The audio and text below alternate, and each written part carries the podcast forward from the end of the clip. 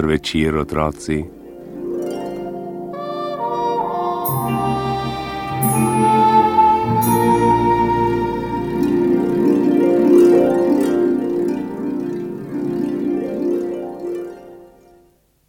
Noč je napolnila sobo, dan si je umaknil in vsak trenutek ne bo več nedelje. Ali je bilo danes vse v redu? Se doma ni nič razbilo in vam naložilo skrbi? Tako kot nekoč pri babici. E, veste, babica je imela mačka in škorca.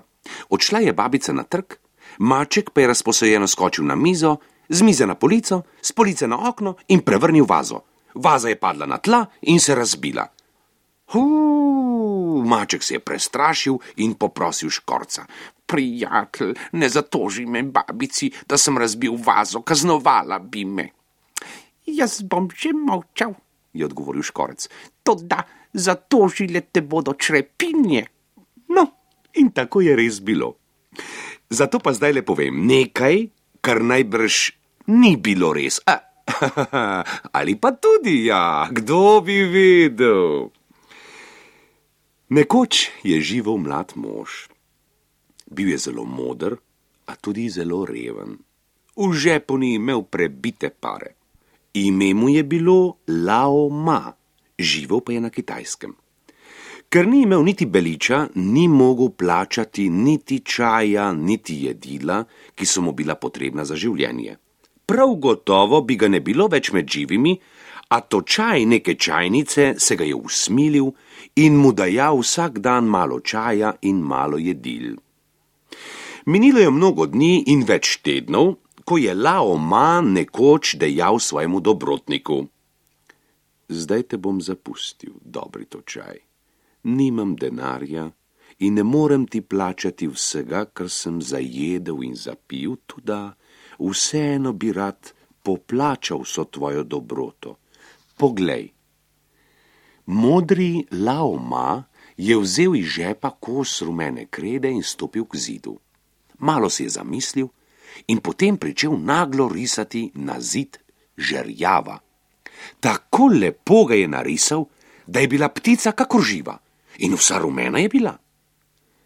Ta žerjav, je dejal Laoma točaju, ti bo prinesel stokrat več denarja, kot sem ti dolžan ko se bodo v tvoji čajnici zbrali ljudje iz vasi in okolice, stopi k žrjavu in trikrat zaploskaj. Rumeni žrjav bo stopil na tla in zaplesal tebi in tvojim gostom zabavo in veselje. Zapomni pa si eno. Nikoli ne smeš zahtevati, da žrjav pleše malo ljudem ali pa celo enemu samemu. Ko je Laoma spregovoril te besede, se je obrnil in brez pozdrava izginil na sončni in prašni cesti. Tučaj se je silno začudil in že zvečer, ko si je v čajnici nabralo kar precej ljudi, je stopil k žarjavu in trikrat zaploskal. Oh, in res, rumena ptica je nenadoma oživela, stopila z zidu na tla in začela pred presenečenimi gosti plesati. Plesala je kakih deset minut, na kar se je spet vrnila na zid in spet postala čisto navadna rumena risba. In tako je bilo vsak večer. Vedno se je zbralo v čajnici vse črno ljudi in žrjav je vedno veselo zaplesal, da so bili vsi veseli in zadovoljni. Novica o čudovitem žrjavu se je razširila na vse strani in oddalec so prihajali ljudje, da bi videli čudo. Točaj je pri tem seveda veliko zaslužil, iz dneva v dan je bil bogatejši in modrijanov dolg je bil že zdavnaj poravnan. Nekega večera pa se je pred čajnico ustavila svetla kočija in pred točaje je stopil slaven in znamenit odličnik.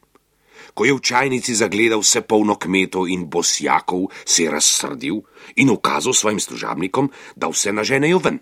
Z biči in s palicami so se njegovi služabniki lotili posla in prav k malu je bila točajnica prazna. Teda je odličnik položil pred točaja mošnjo cekinov in dejal: Naj pleše ta tvoj žrjav samo za me. Točaj je hotel ugovarjati, a odličnik eh, ni popustil, pa tudi polna mošnja cekinov ga je zamikala. Za trenutek je pozabil besede, ki jih je izrekel modri Laoma pred odhodom, zaploskal je trikrat in rumeni žrjav je, kot vedno, oživel in stopil stene ter začel plesati. Toda to pot je bil ples dolgočasen in zelo kratek. Odličnik je začel rjoveti od jeze. Še naj pleše! Grozil je in upil, da je opeharjen. Toda žrjav se ni ganil, bil je le lepa rumena risba. Kome je razkačeni mož zapustil čajnico in se odpeljal k svoji kočiji, kome je točaj legel počivat, je začel nekdo močno trkati po durih. Točaj je ves prestrašen tekel k vratom in jih odprl. Pred njim je stal revni modrijan Laoma. Stopil je v čajnico, ne da bi spregovoril besedico. Vzel je iz žepa piščal in začel tiho igrati. O prvih zvokih piščali je žerjav na steni oživel, stopil z zidu, se pomaknil k vratom, zamahnil s perutmi in odletel v noč. Laoma je spravil piščal nazaj v žep in odšel brez pozdrava. Nihče ju ni nikoli več videl, ne žrjava in ne modrijana. Stari ljudje menijo, da se bo morda žrjav prikazal še kdaj. Toda služil bo le veliko ljudem.